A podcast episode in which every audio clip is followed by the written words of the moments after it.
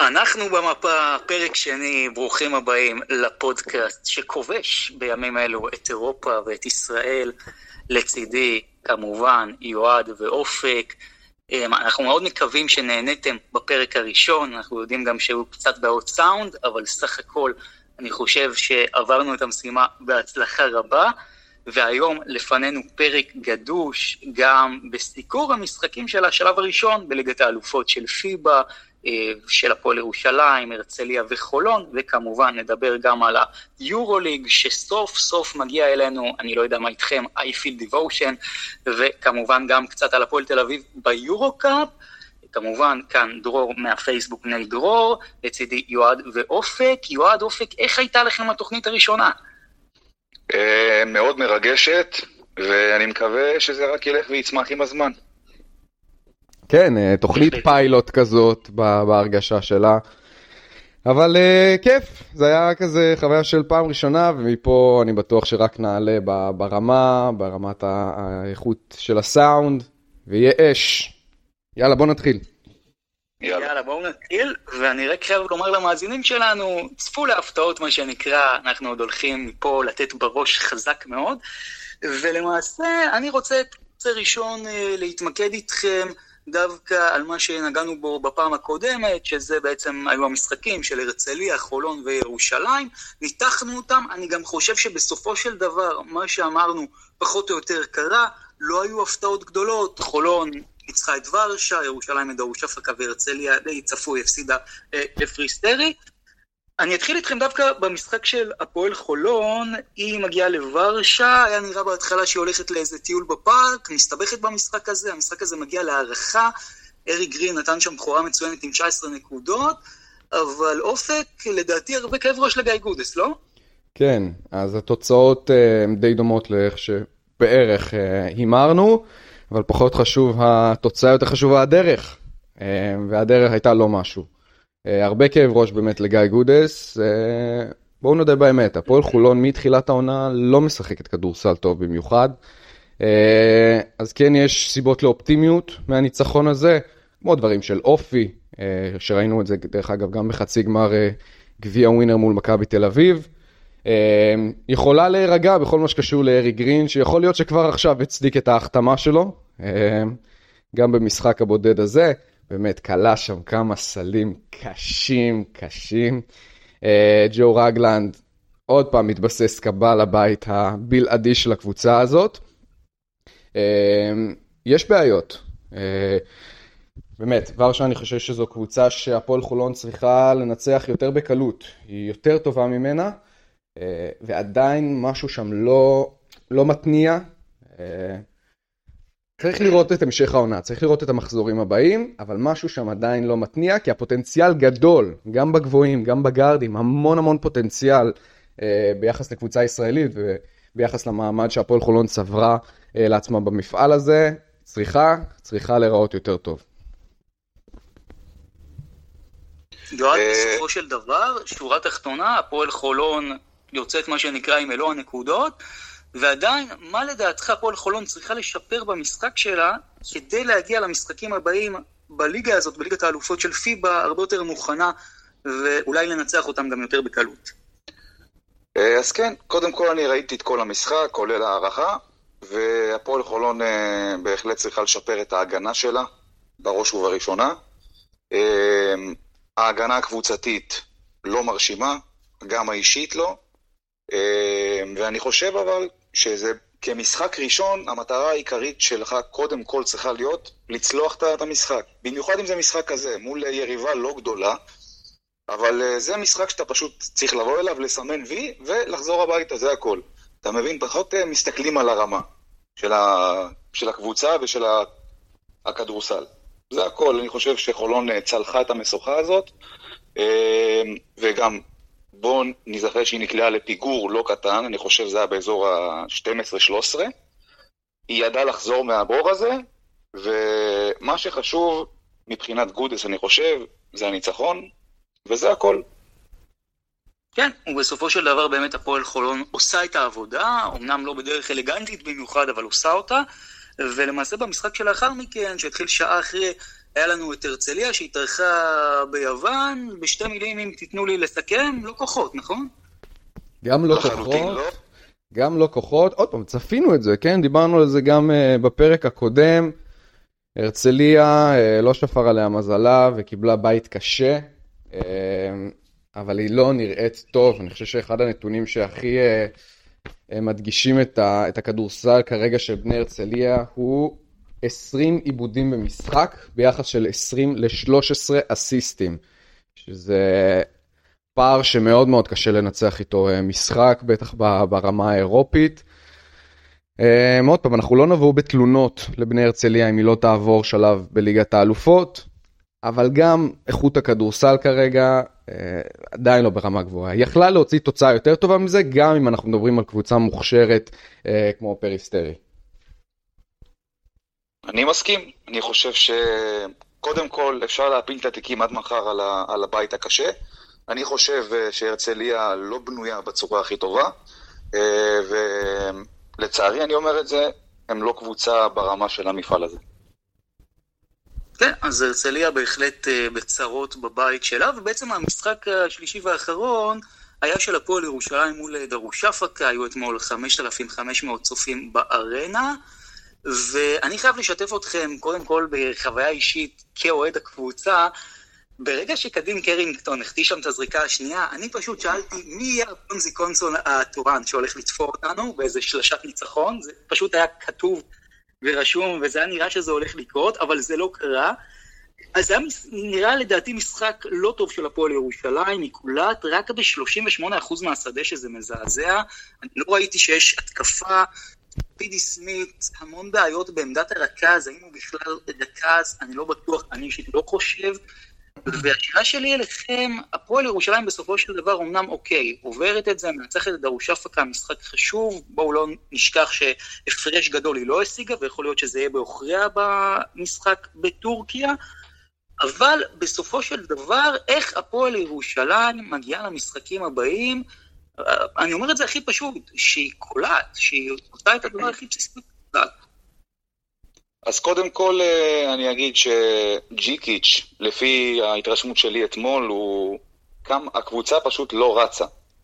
אה, אין משחק ריצה, הוא כופה את המשחק בקצב האיטי. אם, אם הייתם שמים לב, כמעט כל התקפה הגיעה לסוף שעון 24, אה, וזה מסביר גם את הסקור הנמוך. ובאה ממול קבוצה, דרוש ההפקה, בלי איזה שם גדול מי, מי יודע מה, אה, ובא, כן, להילחם, להרביץ, לא פראיירים, עם שמות לא נוצצים בכלל, הרוב טורקים, אה, ועשתה חיים קשים להפועל ירושלים.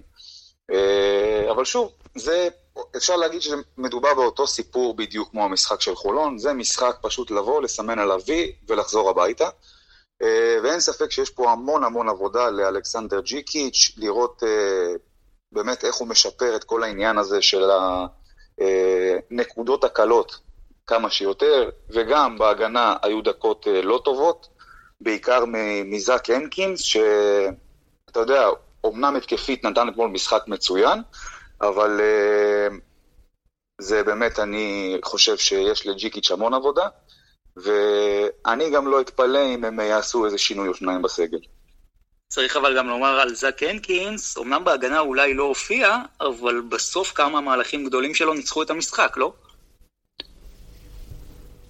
חד משמעית, חד משמעית, אה, כן, אבל אתה יודע, ספציפית למשחק הזה, זה יכול להחזיק, אבל אני חושב שלא לאורך זמן, אה, ואין טעם באמת אה, לבנות על זה, לאורך כל העונה. בהחלט, ואופק, מה שמעניין אותי, זה האם אתה חושב שהפועל ירושלים, במתכונת הנוכחית, אחרי מה שראינו אתמול, האם אתה עדיין משאיר אותה אחד בבית הזה, או שאתה בא ואומר, ראיתי דברים שגורמים לי לחשוב שהקבוצה אולי קצת יותר חלשה? קודם כל, כל המשחק עצמו היה חלש, אה, ומשחקים שקצת קשה ללמוד מהם. אה, כלומר, מי שיכול, אה, מי שיראה רק את התוצאה יכול לחשוב שהיה פה איזה משחק מאוד מאוד הגנתי וקשוח, אבל זה לא המצב.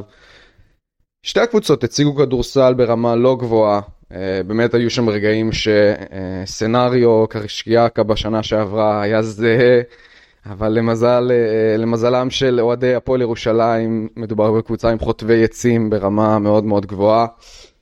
שפשוט פעם אחרי פעם, בשלשות, זריקות טובות, הטורקים לא הצליחו להכריע את המשחק. עוד פעם, לפעמים צריך גם מזל. אני בעיקר חושב שזו הייתה משוכה מנטלית חשובה להפועל ירושלים. דיברנו על, על מחזור פתיחת העונה, שבשנים האחרונות היא כל פעם נפלה שם. והפעם היא לא נפלה. אז עזבו רגע, קודם דיברתי על הדרך ועל התוצאה, עזבו רגע את הדרך, בשורה התחתונה לא נפלה. אה, שזה כבר איזשהו סימון וי אה, חשוב לקראת המשך העונה. יש בעיות בסגל, כלומר אה, דיברתם על, על הפועל ירושלים במתכונת הנוכחית, אני חושב שבעיקר יש כאן הרגשה של חוסר אה, בהירות בכל מה שקשור למעמדות, שבעיניי זה משהו שמאוד מאוד חשוב בקבוצה. הרגיש קצת ששחקנים עדיין לא יודעים מה התפקיד שלהם, אה, וברגע ששחקנים לא יודעים מה התפקיד שלהם, השחקנים אחרים מנסים להתעלות, כל מיני שחקנים שמקבלים החלטות לא טובות, ספידי סמית, בתחושה שלי עדיין אה, לא בדיוק הבין לאיזה אה, משבצת הוא נכנס, היו לו כמה דקות של משהו לא ברור, מה אתה עושה? לא, לא, לא, לא הבין עדיין את תפקידו בקבוצה. עדיין, הרבה חוסר סדר, הרבה עבודה לאלכסנדר ג'יקיץ', אבל אני כן דווקא סומך על המאמן הזה, שהוא כן מאמן עם שיטה מאוד מאוד סדורה, אה, יש שיגידו רס"ר, שיצליח אה, להטמיע את, ה, את עניין ה, מה כל אחד עושה על המגרש. אני חושב שהפועל ירושלים תעבור את השלב, אה, את השלב הראשון. היא קבוצה מספיק טובה לדבר הזה, כל מה שפחות מזה ייחשב ככישלון טוטאלי שוב. אה, אבל הפעם זה לא יקרה, ואני חושב שהניצחון אתמול אה, מראה את זה. כן, ואני אגיד לכם את הנקודה שלי, מבחינתי אני לוקח שתי נקודות האמת מהמשחק אתמול.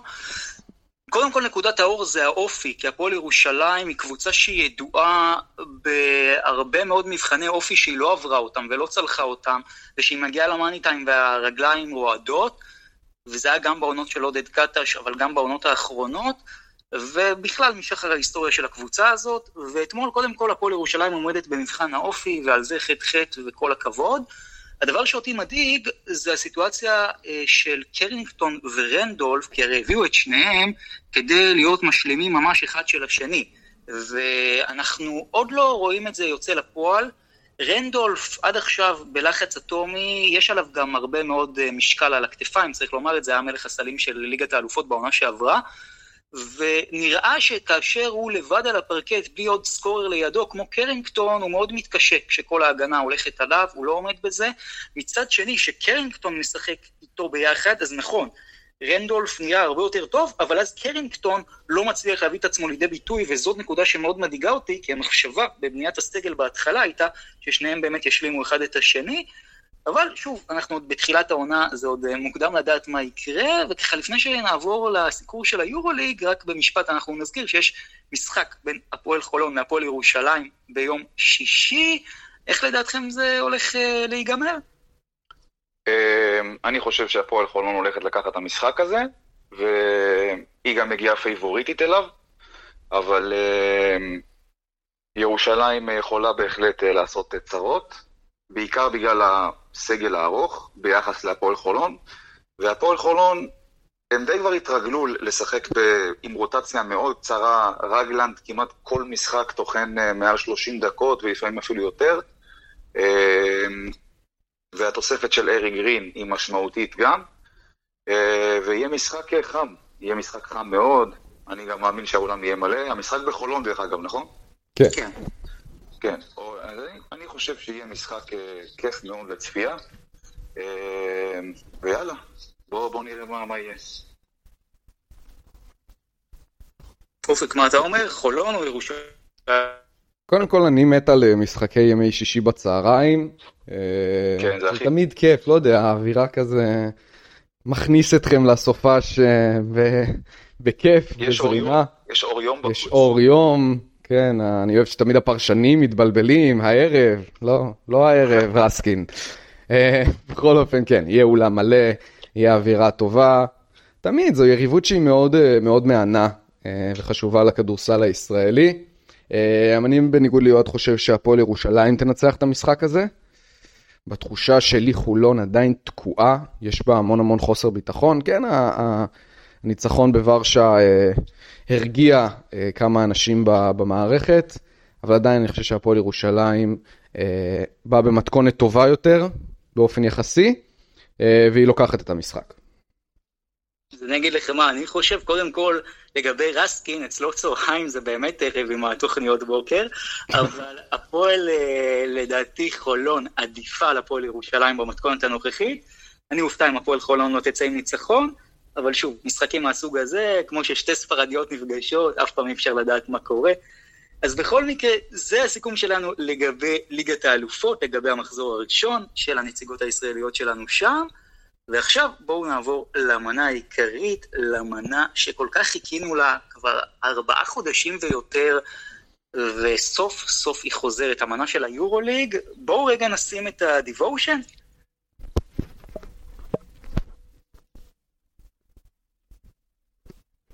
רגע, רגע, רגע, אפקטים.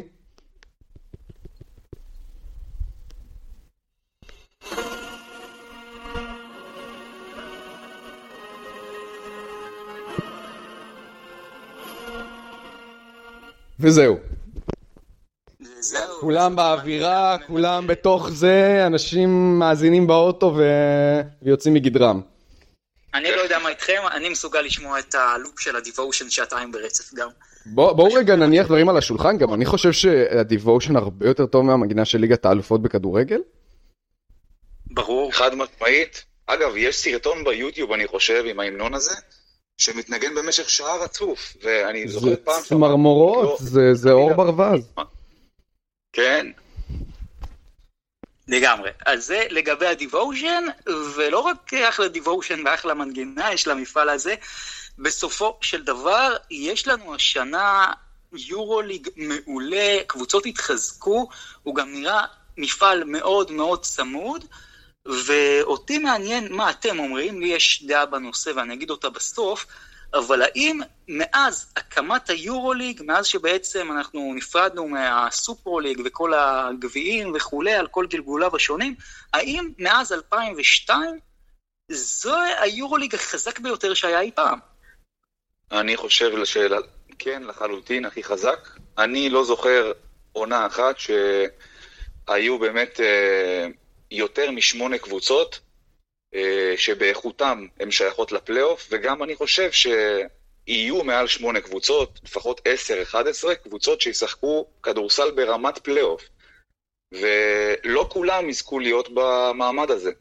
אני לא זוכר דבר כזה, וזה לחלוטין אה, העונה הכי חזקה בהיסטוריה של המפעל הזה. חד משמעית, אני מסכים. אז אני קצת קשה לי להגיד את זה באופן חד משמעי. אה, כלומר, דיברו כל הזמן על היורו בסקט לפני הקיץ, שזה יהיה היורו בסקט הכי טוב שהיה אי פעם, היורו בסקט הכי טוב שהיה אי פעם. אבל שם אני חושב שזה היה הרבה יותר, הרבה יותר אה, בהיר. והשנה זה עדיין תלוי הוכחה, כן? על פניו, בפורמט הנוכחי, ובאיך שקבוצות התחזקו בקיץ, ואיזה שחקנים הגיעו, ובכל האווירה של אחרי היורו בסקט. אז כן אמורה להיות עונה מאוד מאוד מרגשת וצמודה גם, מה שיועד אמר, באמת 10-11 קבוצות שכולן יכולות להשתחרר לפלייאוף ואף אחד מאיתנו לא ייפול מהכיסא. אמ, אז תהיה עונה מאוד מאוד תחרותית ומרגשת. לא יודע אם העונה הכי טובה, היו עונות מאוד מאוד טובות במפעל הזה, אה, אבל עונה מרגשת. אז לדעתי, אני חושב שמבחינת רמה, וכמובן מבחינת הדרמה ומה שמצפה לנו אי אפשר לדעת, אבל לדעתי מבחינת רמה, התשובה היא חד משמעית כן, זאת הולכת להיות העונה הכי טובה. מה שעוד אני מאוד אוהב, שיש הרבה מאוד חזרה של וטרנים למפעל הזה, כל מיני שחקנים שהיו ב-NBA או שטיפה דעכו בשנים האחרונות והם חוזרים ובגדול. וזה דבר שהוא לדעתי מאוד מרענן, בטח עם הדור הצעיר, כלומר יש לנו מפעל שממש משלב שחקנים מאוד מבוגרים יחסית כבר, כמו מילוש תאודוסיץ' וננדו דה קולו, ויחד עם זאת, נגיד את הכוכב העולה הליטאי כמו רוקס יוקובייטיס, כלומר, בסוף השילוב הזה לדעתי הוא מאוד חזק, ואני גם חושב שיש פה השנה פוטנציאל מעולה למה שנקרא סוסים שחורים, כלומר קבוצות שאנחנו מסתכלים על הסגלים ואומרים, כן, לא שחור לבן, אבל בסוף הן קבוצות שנותנות בראש לכולם, קצת אולי כמו קובנה ב-2018, קצת כמו מינכן וזנית אולי ב-2021, ומעניין אותי מה אתם אומרים, מי לדעתכם הסוסים השחורים שיכולים להיות במפעל השנה כשאתם מסתכלים על הקבוצות? אז קודם כל, יש, יהיו, יהיו סוסים שחורים, ואני חושב שכמו כל שנה בשלוש שנים האחרונות, ביירן מינכן הולכת להיות אחת מהם. שמרו על שלד טוב מהעונה שעברה. בואו נזכור רק שבעונה שעברה הם היו מרחק פסע ממש מפיינל פור. ואני חושב שגם השנה הם הולכים לעשות הישגים לא פחות טובים ממה שהם עשו בשנה שעברה. מכבי תל אביב, גם יש לה את היכולת להיות אחת כזאת. הרבה מאוד תלוי במאמן בקטש, ובאיך הוא הצליח לחבר את כל הפאזל הזה. ווירטוס בולוניה, על הנייר יש לה סגל אומנם באמת עם שמות מפוצצים, אבל לדעתי לפחות מילוש תאודוסיץ' למשל זה שחקן שאני חושב שעם כל הכבוד לשם הגדול שלו, זה כבר לא מה שהיה ולא מה שכולם זוכרים, והוא יהיה הרבה פחות טוב ממה שהוא היה מהפעם, מהפעמים האחרונות שכולם זוכרים אותו ביורוליג. אבל כן, גם, גם וירטוס אני יכול לסמן אותה כמועמדת להיות סוס שחור. ואני חושב שזה הכל. אולי גם פנתנאיקוס באיזושהי סיטואציה הייתי יכול להגיד לך שכן, אבל אני עדיין בספק. כן, באמת... אני חייב להגיד לכם שלדעתי, אם יש סוסים שחורים אופציונליים, אז אני הולך איתך לגמרי אוהד בקטע של וירטוס, ואני גם חושב שהכוכב האדום, יש לה פוטנציאל מעניין להיות סוס שחור, אני לא חושב שזה יקרה, אבל היא בהחלט שם, כי יש לה סגל מאוד מעניין. מה שאותי מעניין, אופק, אנחנו, אני ועוד מדברים פה הרבה על וירטוס בולוניה, ואותי מעניין, קודם כל איך אתה רואה שם את סקריולו, וכמובן מי הסוסים השחורים שלך, בסופו של דבר, במפעל הזה. קודם כל, אני לא יודע כמה אה, הייתי מגדיר את וירטוס בולוניה כסוס שחור. אה, אז אמנם, קבוצה שבאה מהיורו-קאפ, זכתה ביורו-קאפ, אמ, אבל עם סגל שחקני כזה, לפחות מבחינת השמות, לא יודע, אתה יודע, זה לא איזה באמת הכוכב האדום שמשום מקום, או ביירן מינכן שבלי כוכבים אה, משתחלת איכשהו לשמינייה. אה, אבל כן צריך להגיד על וירטוס בולוניה, כמעט כל השמות המפוצצים לא באים בפריים שלהם. אם זה תאודוסיץ', אם זה האקט, אה, בלינלי שכבר אה, כנראה העונה האחרונה או אחת לפני האחרונה שלו. אה, אבל כן הם הביאו כמה שמות, כמו לודברג המצוין, שבאמת יכול להיות כוכב אירופאי, שטעמנו ממנו קצת בצסקה, סמיוג'ילה, שהוא חתיכת גורילה, מין יבוסלש 2.0, אבל בוא נראה, סביר שהוא קצת פחות מוכשר ממנו, ג'ורדן מיקי. אבל באמת, כמו שציינת, אני חושב שהמון המון יקום ויפול על עמדת המאמן של וירטוס בולוניה. סקריולו בא אחרי קיץ חלומי, כלומר ספרד שאף אחד לא ספר אותה. באמת, אני, האם אתם מכירים אחד שהימר על אה, ספרד אה, שהיא תיקח את היורו בסקט? קשה לי להאמין. וזה לא. קורה שם משהו אצל סקריולו שהוא מאוד מאוד מעניין אה, ברמת, ה, ברמת החשיבה לעומק של הדברים. מה גורם לו להפוך למאמן נבחרות כל כך טוב וכל כך מוערך וכל כך מאותר? בזמן שבכל מה שקשור לתחרויות המועדונים, אין לו הישגים מאוד משמעותיים. אז נכון, מאמן מאוד ותיק, שאימן במעמדים גדולים ו- וקבוצות גדולות, אבל אין לו באמת את, ה- את אותו ארון, אותו ארון תארים כמו שיש לו בכדורסל הנבחרות. מה לדעתכם גורם לזה? תראה, אני חייב להגיד לך לגבי סקריולו, קודם כל זה עוד אחד מהשמות, אתה יודע, שהיו, והיו באיזה תקופת צינון ולא היו הרבה שנים ביורוליג וחוזרים, אבל אני חייב להגיד לך משהו לגבי סקריולו, ממה שאני תופס בכלל, לאורך כל הקריירה שלו, זה שהוא מאוד מאמן של, נקרא לזה, שחקנים אה, מחויבים. אה, אני לא אוהב את המיתוסים האלה על שחקנים מחויבים ושכירי חרב, אבל כן יש משהו בכדורסל הנבחרות, ששחקנים אין מה לעשות, יותר מחויבים ויותר נותנים לעצמם, ושם אסקריולו הרבה יותר קל, כי הוא גם הולך לדעת מה הוא מקבל פחות או יותר מכל אחד, ואז גם הוא אנליסט מעולה, אז מאוד קל לו לתמרן את זה. לעומת זאת, בכדורסל המועדונים הקלאסי, באמת הסיטואציה הרבה פעמים היא קצת יותר שונה, ואתה גם צריך לעשות הרבה פעמים אה, חישובים שהם קצת אחרים, וגם, אתה יודע, להרגיש יותר את השחקנים שלך דווקא בפן של המוטיבציה.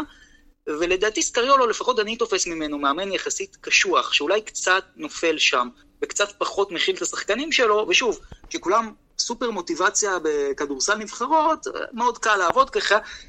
בכדורסל של קבוצות ומועדונים, הרבה פעמים זה טריגר, ויש מאמנים מסוימים שיודעים להכיל יותר טוב את השחקנים, לדעתי סקריולו בקטע הזה קצת נופל, זה לדעתי לגבי סקריולו. מעניין מאוד מה שקורה שם, באמת, עונת מבחן לסקריולו. אה, יהיה כיף, יהיה כיף. וירטוס בולוניה תהיה קבוצה מאוד מהנה לצפייה. אגב, חברים, אני רק, אני רק אציין משהו. אנחנו צריכים לשים את, ה, את ההבדל בין סוס שחור לבין קבוצה שהיא מוקש. מקודם דרור דיבר על הכוכב האדום כסוס שחור. זה לא מדויק, אפשר להגיד שהם יותר יהיו קבוצה מוקש שיכולה באמת לעשות צרות לכל קבוצה, אבל בסופו של דבר הם לא באמת אה, יאיימו על השלבים המאוחרים, על הגעה לפלייאוף. אתם מבינים על מה אני מדבר. אני חושב שהעונה הזאת שינתה, שינתה את כל הטרמינולוגיה של מה זה סוס שחור ומה זה זה, כי יש כל כך הרבה קבוצות טובות, לא יודע, תמיד התרגלנו לזה נכון. שסוס שחור זה איזה קבוצה באמת, שמתחילת העונה לא יכולנו לצפות את, ה, את העונה הטובה שלה או ההגעה שלה לפלייאוף. העונה יש כל כך הרבה קבוצות טובות, שאמרתי לכם, גם אם זה פרטיזן בלגרד, וגם אם זה אפילו פנתנייקוס, שהיא נגיד אה, בעיניי, קודם ביקשת ממני לבחור אה, קבוצה שהיא סוס שחור, לדעתי זאת פנתנייקוס, אבל גם היא אף אחד פה לא באמת תיעתק נשמתו עם, אה, עם פנתנייקוס יעשו פלייאוף, וזה רק באמת מדגיש על כמה הולכת להיות עונה תחרותית בטירוף. נכון, בהחלט. לגמרי, עונה סופר תחרותית, ובואו נדבר רגע על קבוצה שאף אחד מאיתנו, אני חושב, לא מחזיק ממנה יותר מדי, ולא שם אותה כסוס שחור, ועדיין הזווית הישראלית שלנו, עם תמיר בלאט ויובל זוסמן. אלבה ברלין על הנייר שומרת על כל הסגל שלה מעונה קודמת, על הנייר היא נראית באמת אה, קבוצה מעולה, אבל משום מה, ואני חושב שיש פה קונצנזוס בפאנל הזה, אף אחד מאיתנו לא חושב שאלבה ברלין אפילו הולכת לדגדג לא את מקום שמונה, אלא את מקום עשר. והשאלה שלי היא למה בעצם? מה, מה חסר לאלבה ברלין לדעתכם כדי להיחשב קבוצת יורוליג טובה? קודם כל כסף. אז כן. נכון. אה, אז כסף זה, אין מה לעשות, פרמטר מאוד מאוד חשוב במפעל הזה.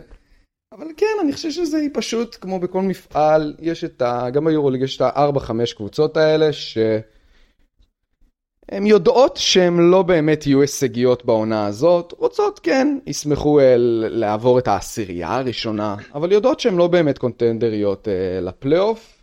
אה, אלבה ברלין אני כמובן אתמקד בעיקר העונה כשאני אצפה במשחקים שלהם, בישראלים שלנו. אמ, שאחד מהם סביר מאוד להניח שנראה אותו בשנה אה, הבאה בצהוב, אולי גם את השני. אה, תחליטו אתם על מי אני מדבר מביניהם. אה, אני חייב להגיד שאני לא מבין איך כשעודד קטש מאמן מכבי, תמיר בלאט לא שחקן מכבי, אבל... אז אני בטוח שהוא מאוד היה רוצה אותו, מאוד היה רוצה אותו, אני חושב שתמיר תחת חוזה כרגע, אבל אם באמת הסיטואציה נשארת כמו שהיא, ועודד קטש המאמן של מכבי תל אביב בעונה הבאה, וואו, קשה לי מאוד להאמין שתמיר בלאט לא יגיע. אמ, בטח במחסור של מכבי בגארד ישראלי יוצר. אמ, אני חושב שמה עוד או לא, הוא יכול להמשיך את הקמפיין המדהים שלו מהיורו בסקט, ואולי אפילו להפוך לכוכב יורו ליג. אה, אם באמת הקבוצה הזאת תתחבר, אז אין לי ספק שמה עוד או לא יהיה הברומטר שלה. וזהו, כן, היא לא קבוצה ש, שמתיימרת לאיזה שהם אה, דברים גדולים, אבל תמיר ויובל נקווה שישיגו אה, הישגים טובים ברמה האישית. כן, אלבה ברלין בכל, אלבה ברלין בכל שנה, אני חושב שלאף אחד ממישהו ששייך למועדון הזה אין באמת איזושהי שאיפה להגיע לפלייאוף, וזה מועדון שבאמת מתבסס והתבסס גם כל השנים על אה, פיתוח צעירים. זה ממש קבוצת הפיתוח של היורוליג, הם מחתימים אה, כל מיני שחקנים צעירים מכל מיני קבוצות, והופכים אותם ל... וממש כאילו נותנים להם את הבמה, את הדקות משחק שהם צריכים ברמת היורוליג, אה, ואני חושב שהשנה לפחות הם בנו תלכיד נחמד מאוד, עם חבורה של צעירים שרעבים, ורוצים להצליח, אמ, והם לא יהיו בפלייאוף, זה חד משמעית, אבל אה, אני חושב שהם באמת יהיו קבוצה שתשחק כדורסל יפה אה, וטוב ושוטף, ואני יכול לאחל להם רק בהצלחה. כן, אז זאת הזווית הישראלית שלנו, וככה התבחבשנו די בתחתית, אבל בואו רגע נחזור לבמה הראשית לצמרת. הנדולו אפס אה, בעצם כבר לוקחת back to back את התואר, אם היא תזכה השנה הזאת כבר פעם שלישית ברציפות, ואתם יודעים, גם 2020 ככל הנראה, מאוד יכול להיות שהייתה זוכה אם העונה הייתה נגמרת. השאלה הכל כך בסיסית והפשוטה שנשאלת היא האם הנדולו אפס כיום היא פייבוריטית לזכייה ביורולי גם בשנה הזאת? על פניו כן. אני חושב... על פניו כן, אבל uh, בפועל אני לא חושב, כי מבחינת איכות ועומק, אני חושב שקבוצה למשל כמו ריאל מדריד, uh, יש לה הרבה יותר uh, מכל הדברים האלה. אפילו לברצלונה, למרות שאותם אני עדיין לא יודע איך לאכול. אמ, אבל אה, אם צריך באמת להמר, אני חושב שהנדול הוא גם בעונה הבאה תהיה אחת מארבעת הקבוצות שתגיעו, ש, שיגיעו לפיינל פור. אה, על פניו, אותה קבוצה שזכתה פעמיים ביורוליג מגיעה לקיץ ואומרת, אוקיי, כל השחקנים שאני לא צריכה, אה, היא נפטרת מהם ופשוט מביאה שחקנים יותר מוכשרים מזה. גם אנטג'יג', כן. גם וויל קלייבורן, מאבדת את, אה, את מורמן, את סינגלטון, כל אותם, לא אגיד צרכים, כי הם, כי הם כמובן שחקנים מצוינים, אבל על הנייר נדמה שהיא כאילו אה, שילשה את עצמה מבחינת הכוח אש. אבל כמו שאנחנו יודעים בכדורסל זה לא הכל, ממש לא הכל אה, אה, רק כישרון כדורסל, צריך מאוד מאוד לראות וגם מבחן לאטמן. אה, איך הוא מחבר את הדבר הזה? האם יש איזשהו אלמנט של שובע מסוים? כלומר, נכון שווסיליה מיצ'יץ' במהלך, שהגדירו אותו אפילו הירואי ביחס לזיקה למועדון, נשאר באירופה למרות שיכל להיות role player מצוין בקבוצת NBA, אבל כן, יש אולי אווירה של שאננות קצת. בטח שגם יש קבוצות אה, נוספות במעלה הטבלה שמאוד מאוד התחזקו, אז המסע אה, לעבר אה, זכייה שלישית ממש לא תהיה קלה, אבל כשיש לך כזה סגל, אז ועוד אחרי העונות הקודמות וההיסטוריה של הסגל הזה, פחות מגביע ייחשב כישלון לדעתי ברמת המועדון. נכון, אבל גם עניין הסובה הוא טבעי אפשר להגיד, כי אתה יודע, אחרי זכייה קשה מאוד לבוא ו... אחרי זכייה אחת, אני לא אומר לך אפילו שתיים, אחרי זכייה אחת, כבר העונה שעברה בפיינל פור, אנשים הרגישו כבר את השובע הזה. זאת אומרת, היה להם גם הרבה מזל, ובשתי המשחקים, גם בחצי גמר וגם בגמר, זה שתי, שתי משחקים שנגמרו על חודו של סל, אם זה בחצי גמר עם, ה, עם הסל ניצחון של ואסה, ובגמר גם היה הרבה מזל, אני חושב שנגמר נקודה. אה, וכן, יהיה מאוד קשה. אה, אם לקחת back to back זה קשה ברמה המנטלית, אז תחשוב מה זה לקחת three-peat אה, באמת, כאילו, שלוש רצוף, אני באמת, זה הישג חסר תקדים, ואם הם יזכו השנה, אני באמת, אני אופתע מאוד. תראו, לגבי אנדולו, אני חייב לומר את הזווית שלי. אנחנו מדברים הרבה ואנחנו נדבר על, על, על הסגל הבאמת מטורף שיש לאנדולו אפס, כי באמת אה, זה לדעתי אולי הסגל הכי כישרוני שהיה אי פעם באירופה, למעט מכבי שושלת, וגם אז זמנים אחרים. אין ספק. אבל בואו לא נשכח שעל כל המקהלה הזאת מנצח מישהו אחד, שהרבה פעמים אוהבים להקנית אותו וללעוג לו על האימפולסיביות שלו ועל הרבה מאוד דברים, וזה ארגינה תמן. ולדעתי לארגינה תמן יש תכונה אחת שלהרבה מאוד מאמני יורוליג אין, וזו תכונה של בעצם ללכת עם מה שחזק, אפילו, אני לא אומר לזרוק, אבל במובן מסוים כן אה, להיכנע למה שחלש ולא להילחם בזה, ובעצם להיות שם בשביל השחקנים שלו, ובעיניי זו תכונה שהיא מאוד חשובה אצל מאמן כדורסל. כלומר, לדעת לעבוד עם מה שיש ברמה הכי פיור, מה שנקרא, וארגינה תמן לדעתי עושה את זה מצוין. ואני רואה אגב הרבה קווי דמיון בין ארגינה תמן של היום לנגיד מה שהיה פיני גרשון בשושלת. כי אגב, גם פיני גרשון בשושלת, לצורך העניין, אם אתם זוכרים, מכבי תל אביב לא הייתה איזה קבוצת הגנה מטורפת שעכשיו באה ועשתה עצירות ועצרה את היריבות שלה ל-30% מהשדה. היה לה כוח התקפי מאוד גדול, היה לה את פארקר ושרס וניקולה ומייס, שבסופו של דבר היו שחקנים מעולים בהתקפה. שאראס, עד היום, אני זוכר אותו, מה שנקרא, מצלם את בגצקיס, כן? לא שחקן הגנה גדול, ובסופו של דבר, פיני גרשון לא נלחם בו. והרבה מאמנים, נגיד, בסיטואציה הזאת, כן היו נלחמים בכוכב שלהם של למה אתה לא נותן עוד את האקסטרה בהגנה. ואני חושב שזו תכונה שהופכת את אנדולו אפס, לה, אתם יודעים, נותנים לה את האקסטרה מעבר לזה שהיא בצמרת, אלא באמת לקבוצה שהיא מספר אחת. זו התכונה הזאת של ארגינה תמן, שהוא יודע להעצים את החוזקות של השחקנים שלו, ולא להילחם בחולשות שלהם. שזה לא פחות חשוב, מה אתם אומרים על זה? אני מאוד מסכים, מאוד מקסים, מסכים, דרור. Uh, בכדורסל המודרני זה מאוד מאוד חשוב, החופש הזה שהתאמן נותן לשחקנים שלו, וזה נורא נורא מתחבר לי לראיון שניקה לטס נתן לפני כמה ימים, עם עקיצה קטנה uh, למאמנו הקודם, uh, שבאמת הוא אמר שם שהגישה המאוד שמרנית של שרס, שכמובן הוא חניך של, של ז'ליקו, אה, גורמת לתחושה שלא, של חוסר ביטחון לשחקנים. כלומר, שרס הוא מאוד מאוד דקדקן ורוצה שדברים יהיו מאוד מאוד כמו שהוא רוצה ולא נותן הרבה חופש לשחקנים שלו. אה, ובאמת, ניקה לטס אה, יצא נגד העניין הזה, והוא אפילו אמר ציטוט, תן לנו לשחק כדורסל, אנחנו לא ילדים בני 20, שזה חתיכת אמירה נגד אחד המאמנים הנחשבים היום ביבש, ואני באמת חושב שמה שהופך את הנדולו אה, לקבוצה כל כך הישגית, זה באמת כי התאמן מבין שיש לו כישרון ברמה מאוד מאוד גבוהה, והוא מבין שאם הוא יכפה אה, כל מיני דברים על שחקנים כאלה, עם האופי הזה, אה, זה עלול להתפוצץ לו בפנים. אז באמת החופש שהם מקבלים, אז אומנם כן יש בזה סיכונים של משחק מבולגן וחוסר חיבור, אבל כשזה עובד זה קסום. וזה גם באמת מה שקרה לדעתי באמת בשושלת של מכבי, ומה שגורם לאנדולו עכשיו להיות קבוצה כל כך כל כך תחרותית.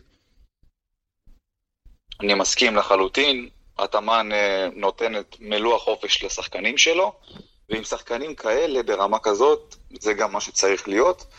אני רק אוסיף ואומר שאנדולו היא לא קבוצת הגנה גדולה, אבל היא יודעת לתת בה את החמש-שבע דקות האלה של הקווץ' אחרי המחצית הראשונה, שבאמת כאילו גומר את העניין. אתה מבין? כאילו, אי אפשר לבוא 40 דקות, לא לשמור ולצפות uh, לנצח משחקים, זה לא עובד ככה. אתה חייב לתת את הקווץ' ההגנתי הזה לכמה דקות, לסגור את העסק, וזה בדיוק מה שהם עושים, ומה שהם עשו בכל הארבע שנים האחרונות. בהחלט, אז זאת אנדולו אפס, ועכשיו לפני ככה שנעבור באמת על אה, הסקירה של הדירוג שלנו, של הקבוצות, אני רק רוצה שרגע נתמקד בשאלה אולי הכי בסיסית, שהכי מעניינת את אוהדי מכבי תל אביב. השנה יש top 8 או אין top 8? אמ, קשה מאוד להגיד. אני הפסימיסט בחבורה, מה, מה שנקרא, אבל אני, כן, אני, אני אומר שאין top שמונה, כי אני חושב שיש לנו קודם כל, אה, ביחס לשאר הקבוצות, חיסרון משמעותי מאוד על הקווים. אמ, ובאמת, השנה רמת המפעל והאיכות שלו אה, בלתי ניתנת להסבר, ומאוד מאוד קשה אה, לעשות פלייאוף במתכונת הנוכחית עם כמות הקבוצות האיכותיות, אה, וגם, אפשר להגיד, אה, נחיתות משמעותית על הקווים משאר הקבוצות. אז אני אופטימיסט רוני ורומנטיקן חסר תקנה, לא יודע, אני מרגיש שזה קצת איזה, תחוש, איזה תכונת מאסט באוהד, של כן, ברור שהקבוצה שלי תיקח את הגביע, וברור שאני, כל משחק, גם לא משנה מול איזה קבוצה, אני, אני, אני לא יכול להמר נגדה. אה, אבל אם להיות ריאלי לרגע, אז כן, בוא נגיד שיש סיכוי שאם הסגל הזה של מכבי היה מתחרה ביורוליג שלפני אה, שנתיים-שלוש, יכול להיות שהוא היה מגיע להישגים אה, יותר טובים ממה שהוא הגיע השנה. פשוט התחרות וה, והחלופות שלך לשמינייה הם ברמה כל כך גבוהה שזה יהיה מאוד מאוד מאוד קשה, אבל ברור שכן, ברור שכן. זאת אה, נקודה אגב מאוד מעניינת אופק שאתה אומר, כי בסוף אנחנו באמת מסתכלים על מכבי וכדורסל הרי הוא משחק יחסי, אנחנו מסתכלים עליה למול היורוליג של השנה. אבל רגע אם אני עושה זום אאוט ורואה מה מכבי תל אביב עשתה בקיץ, אז היא הביאה את לורנזו בראון, שאומנם היא לא ידעה שהוא הולך להיות אלוף יורו בסקט, אבל בכל זאת היא כן ידעה שהוא אחד הרכזים הטובים באירופה. היא הביאה את וייד בולווין, שנותן כמה שנים כבר עונות מצוינות. היא הביאה את בונזי קולסון, שהיה אחד השחקנים הטובים שנה שעברה בליגת האלופות אה, של פיבה. היא הביאה את אלכס פויטרס וג'וש ניבו, ובאמת הרשימה ארוכה, וגם בסגל הישראלי אנחנו רואים את אה, רפי מנקו, שהוא באמת אולי היה השחקן הישראלי, אפשר להגיד אולי הכי טוב בשנה, בשנה הקודמת, ואפילו מחזירה את הווטרן גיא פניני, ובסופו של דבר מכבי תל אביב בונה פה סגל, אה, שאני, כשאני מסתכל עליו, אני אפילו תוהה, האם מאז 2006, כן, מה שמכונה השושלת, למכבי תל אביב מבחינת איכות שחקנים, עזבו אותי רגע במפעלים, מבחינת איכות שחקנים, האם היה לה סגל הרבה יותר טוב מהסגל הזה, ואת האמת אני לא מוצא. אני חושב שזה הכי טוב מאז השושלת, מה אתם אומרים? לא. זו דעתי האישית, כלומר, כן יש המון... עונת 19-20, באמת אנשים כבר דילגו עליה, כי זה היה באמת עונת הקורונה, מה שנקרא, אה, ואני חושב שבעונת 19-20 הסגל היה הרבה יותר איכותי. אתה יודע מה, לא, לא בהרבה, אבל uh, גם על הקווים היה לנו מאמן הרבה יותר טוב. Uh, ואם מוציאים את העונה הזאת, אז מה שאמרת, אני כן מסכים איתו, שאולי מאז עונות השושלת, זה באמת הסגל uh, על הנייר הכי איכותי שהיה למכבי. Uh, ובאמת, הכל פה עניין של חיבור, ואיך כל הפאזל הזה יתחבר, מה עודד קטש באמת יעשה, איך uh, לורנזו בראון ישתלב עם שאר השחקנים. מה, מה באמת יהיה, מה יהיה האופי של הקבוצה, איזה כדורסל הוא, אה, הוא יציג, אה, ובאמת יהיה מעניין מאוד לראות. אה, אני לא כל כך מסכים עם אה, מה, מה שאתם אומרים. גם אם אנחנו מסתכלים אך ורק על הנייר, באמת, אף אחד מאיתנו לא נביא ויודע איך תיגמר העונה הזאת, אז אם אני מסתכל רק על הנייר, אני עדיין חושב שהיו קבוצות יותר טובות של מכבי מאז השושלת. אם אנחנו מדברים על עונת 10-11 אה, של פרגו פרקינס, אידסון, הייתה קבוצה לפנים, באמת, קבוצת התקפה מטורפת, קבוצת הגנה מטורפת, אה, גם הגיעה באמת להישגים אה, ברמה האירופית, אז אני חושב שבכל מה שקשור אליה זה עדיין לא כוחות. אה, כן, גם עונת היורוליג היה סגל טוב, למרות שהוא כמובן הוציא הרבה יותר ממה שהוא שווה בפועל.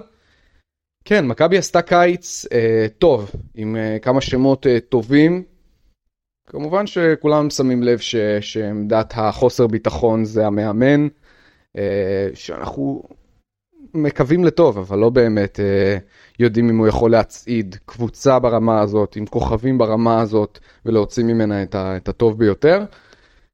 אני כן, עוד פעם, אני אופטימיסט חוני, דיברנו על זה, אני כן חושב שמכבי תעשה פלייאוף, אבל בהשוואה לסגלים משנים קודמות, זה לא הסגל הכי טוב של מכבי מאז השושלת של, אה, של שרס ופיני. כן, אבל גם צריך להגיד שאי אפשר באמת להשוות אה, שחקן מול שחקן, קבוצות בדור הזה, לקבוצות מהשנים של 2006, 2010, 2011, כי זה ברמת האינטנסיביות והאורך וכמות המשחקים, זה כן, שונה לגמרי. סל שונה לגמרי. סגלים, סגלים היום הרבה יותר ארוכים ממה שהיו פעם, ואני חושב שפה זה ההבדל העיקרי, שאני אומר כאילו שנגיד מכבי תל אביב של השנה על הנייר טובה ממכבי של 2011, אני מדבר מבחינת העומק וה... והאורך של הסגל, אתה מבין? כי באמת אי אפשר להשוות. אז נכון, הישגית, קבוצתית, 2011 הייתה שנה הרבה יותר טובה, אבל כשאתה מסתכל על עומק ובאמת כאילו כמות שחקנים באמת ברמה של היורוליג, אני חושב שחוץ מ-19-20 והשושלת, אין באמת אה, מקום להשוואה. אתה לוקח את 19-20 על 10-11? עכשיו, סדרה, חמישה משחקים. 19-20 מנצחת את דעתך? אני חושב... לחלוטין כן, חד משמעית. וואו. חד משמעית. ואני מהמעריצים הכי גדולים של הקבוצה הזאת, של פרגו פנקינס, איצון, דיוויד בלו וסופו. אבל אני, אני עוף מוזר. וואו, אז, אה, אז לא, אז אני חושב שהעונה של 10-11 הייתה מדהימה והייתה מנצחת אה, אפילו בארבעה משחקים את, אה, את של 19-20. כן, זה לגבי מכבי. עכשיו, רק שאלה אחרונה באמת בגזרה הזאת, ואני אתן לכם שאלה מאוד מאוד קשה. כי בקיץ מכבי תל אביב בעצם מחליפה את סקוטי ווילבקין בלורנזו בראון, והשאלה שלי היום בסגל הנוכחי של מכבי, אם אתם יכולים להחזיר את סקוטי ווילבקין ולהוציא החוצה את לורנזו בראון, האם אתם הולכים על זה או לא? אני לחלוטין לא הולך על זה. כי, אתה יודע, כבודו של סקוטי במקומו מונח, אבל uh, זה שחקן שיותר מייצר לעצמו, פחות uh, הופך את הקבוצה לקבוצה יותר טובה, uh, ומייצר את הסקור שלו בעצמו, ודופק את המספרים שלו, uh, וזה, אתה יודע, זה לא תורם לקבוצה בהרבה, ולעומת זאת, שחקן כמו לורנזו בראון, שאולי שחקן כישרונית פחות טוב משחקן כמו סקוטי ווילבקין, אבל אתה יודע שיש לך פה שחקן שבאמת יאכיל את האחרים, ובאמת יכול להפוך את הקבוצה הזאת לתלכיד אחד, שכולם יהיו טובים, כולם יורגשו, אה, ואני חושב שעדיף שחקן כמו לורנזו בראון על סקוטי ווילבקין, שאתה רוצה לבנות איזשהו תלכיד קבוצתי מסוים. אז גם אני לא מחליף את אה, לורנזו בסקוטי. אה, מה, מה שקופץ לי ישר זה אם לצורך הדוגמה היינו מחליפים את סקוטי ווילבקין בלורנזו בראון בנבחרת ספרד. האם היא הייתה לוקחת את היורו בסקט? סביר להניח שהרבה מאוד יגידו שלא. לא, אני גם... לא. כי, כי סבירות מאוד גבוהה שלא, כלומר התרומה של לורנזו באליפות הייתה אה, באמת כבירה. סקוטי ווילבקין הוא שחקן שאין צורך להכביר ברמת הכישרון וסט היכולות שלו, אבל ניסינו את זה. אה, וגם עכשיו ברמה האישית שלו יש לו מבחן עצום בפנרבכט של לראות האם הוא שחקן שיכול אה, להוביל קבוצות אה, באמת להישג משמעותי, או שהוא רק בחור מאוד מאוד מוכשר בכדורסל. בכל מה שקשור כן. להישגיות, לורנזו בראון שחקן הרבה יותר שלם ממנו, באמת כזה שהופך את השחקנים לידו לטובים יותר, אז בואו ננסה קונספציה אחרת של כוכב. ניסינו כבר את הסקורר המטורף, אה, בואו ננסה את לורנזו בראון, אז אני לא, לא, לא מחליף ביניהם. תראו, אני חייב להגיד לכם שקודם כל אני מסכים איתכם, כי גם אני לא הייתי מחליף אה, אם הייתי עכשיו מנהל את הקבוצה של מכבי, כי באמת לדעתי בתלכיד הנוכחי לורנזו יותר מתאים. מה שכן, אני חושב שכולנו נסכים על זה שכישרונית, לסקוטי ווילבקין יש יותר כישרון, וזה מעניין איך אתם מסבירים את זה. כלומר, מה חסר לסקוטי כדי להפוך לשחקן קבוצתי? אה, קודם כל, שחקן, שחקן לא יכול לשנות את המשחק שלו בגיל 27, 8, אני לא זוכר בדיוק בין כמה הוא. 9. ו... כן, 29, אה, ואני חושב שאתה יודע, סקוטי שחקן מוכשר ככל שיהיה, אבל אי אפשר באמת לבנות עליו כ point guard מוביל, אה, של קבוצת יורוליג אה, ברמה גבוהה שרוצה להגיע להישגים, כי אין מה לעשות, בסופו של דבר עמדת ה point guard מיועדת לבעל בית שיסדר את כל השחקנים, שיפעיל אותם, אה, ומעבר לכך פשוט יבנה את כל התלכיד הקבוצתי. וסקוטי ווילבקין, אוקיי, זה שחקן שאתה יכול להביא לו את הכדור, הוא יעשה סל, אולי קצת, אתה יודע, יכול להפעיל מדי פעם אה, את הגבוהים, למסור לפינות, משחק pick and roll, אבל זה לא משהו שאפשר לבנות עליו לאורך זמן. אה, ואני חושב שקבוצה בריאה, יהיה לה כ point guard שחקן כמו לורנזו בראון, ולא שחקן כמו סקוטי ווילבקין. כן, כישרון זה לא הכל בכדורסל, סביר להניח שאם אה, נשחק אחד מול אחד, לורנזו בראון מול ווילבקין, סביר להניח שווילבקין יבעט לו בתחת. אה, אבל כדורסל זה משחק קבוצתי, אה, והיו הרבה שחקנים לאורך ההיסטוריה, גם אם אנחנו רגע קופצים למעבר לים, שחקנים מאוד מאוד מוכשרים, שהעמידו את המספרים, את הסטטיסטיקות המטורפות שלהם, אה, אבל בסופו של דבר בכל מה שקשור להישגיות הקבוצה, נכשלים ברגע האמת, כי כישרון וסטטיסטיקה זה לא הכל במשחק. אנחנו מדברים על ראסל ווסטבוק וג'יימס הרדן, ואולי אלן אייברסון אם אנחנו קופצים, קופצים אחורה. אמ, כישרון זה לא הכל. אה, בטח כישרון אה, כדורסל אישי, מה שנקרא, וסקוטי ווילבקין הוא, הוא שחקן שבאופן האישי הוא שחקן כדורסל מאוד מאוד מוכשר, אבל שבכל מבחן בארבע שנים האחרונות, ואפשר להפיל הרבה גם על מכבי, אה, ואולי הוא אפילו קורבן של, ה, של הסיטואציה, ובאמת זה ייבחן השנה בפנרבכצ'ה, אבל אלה היו ארבע שנים גם של כישלון אישי שלו, ואסור להתעלם מזה. אגב, אפשר להגיד, ש... אפשר להגיד שהשילוב בין השניים האלה יכול להיות מעניין דווקא. לורנזו בראון כ point guard וסקוטי ווילבקין כ shooting guard. ראינו בעונה שעברה אה, את לורנזו בראון משתף פעולה עם איזאה קנן, וזה היה נראה מצוין, אז אוקיי, איזאה קנן זה לא סקוטי ווילבקין, הוא שחקן שפחות אוהב להחזיק בכדור, יותר אה, לשחק off the ball, וסקוטי יותר אוהב לשחק עם הכדור. אבל זה שילוב שבאמת אה, יכול להיות מעניין. בדיוק, אז באמת יועד אני שואל אותך האם אתה באמת חושב שסקוטי ווילבקין יכול אה, להוריד ממנו את גלימת ה ball handler הראשי ולתת את, ה, את, ה, את הכדור ללורנזו בראון? האם ברמה האישית הוא יכול לעשות את זה? זה תלוי בו, זה תלוי בו, באמת קשה לדעת. אגב, לא סתם, עכשיו בפנרבכצ'ה, הגיע שחקן כמו ניקה לטס, שבאמת כמעט ולא מאיים על הסל, יותר עסוק בלהפעיל את הקבוצה, אמ, לצד שחקן כמו סקוטי ווילבקין, אמ, ויהיה מעניין לראות גם איך השילוב הזה יעבוד, וגם, בואו לא נשכח שהביאו שחקן כמו אה, קרסן אדוארדס לפנרבכצ'ה, אני חושב שיהיו לא מעט דקות שהשניים האלה ישחקו ביחד, סקוטי עם, אה, עם אדוארדס, ויהיה מאוד מעניין לראות איך, איך, איך השיתוף פעולה הזה יעבוד ביחד. כן, סופר מעניין. אני גם חייב לציין, אתם מזכירים פה שיתופי פעולה עם סקוטי. אני זוכר בדרושפקה, בעונה שהייתה ביורוליג, שלצד סקוטי היה את וורנה מייקר, וזה לדעתי היה שילוב מאוד מאוד מוצלח בסופו של דבר. אני לא יודע אם קלטס הוא השחקן שמתאים דווקא ליד סקוטי, כי אם יש לנו בעיית קליעה נגיד, ואם פתאום אנחנו צריכים שלושה, כל ההגנה תתמרכז על סקוטי ווילבקין, כי קלטס הרבה פעמים מצלמים אותו, אגב, לא תמיד שבצדק, הוא לא כזה נגר, אבל אם נגיד יש שחקן לצד סקוטי שהוא יותר כמו לורנזו, כמו ברד וונמייקר, שהוא גם מסוגל לתת את השלשה ולהעניש אותך בכל סיטואציה ומצב, לדעתי בסיטואציה הזאת דווקא סקוטי ווילבקין הכי מרוויח, וגם הקבוצה הכי מרוויחה. יכול להיות, חבר'ה, שגם סקוטי ווילבקין פשוט לא עומד בלחץ, צריך לומר את זה. לא כל שחקן מסוגל לסחוב על הגב שלו אה, קבוצה עונה שלמה, לא? חד משמעית. אה, וכן, גם רוב השנים סקוטי לא שיחק אה, עם גארדים בכירים מי יודע מה, להוציא את עונת 16-17, שבאמת היה לצידו את ברד וונמייקר, אבל גם צריך להגיד שב-16-17 המעמד של סקוטי כשחקן ביורוליג לא היה כמו שהמעמד שלו היום. נכון. אתה מבין? אז כאן נשאלת השאלה איך זה יעבוד, ובאמת אה, יהיה מאוד מעניין לראות איך זה יעבוד.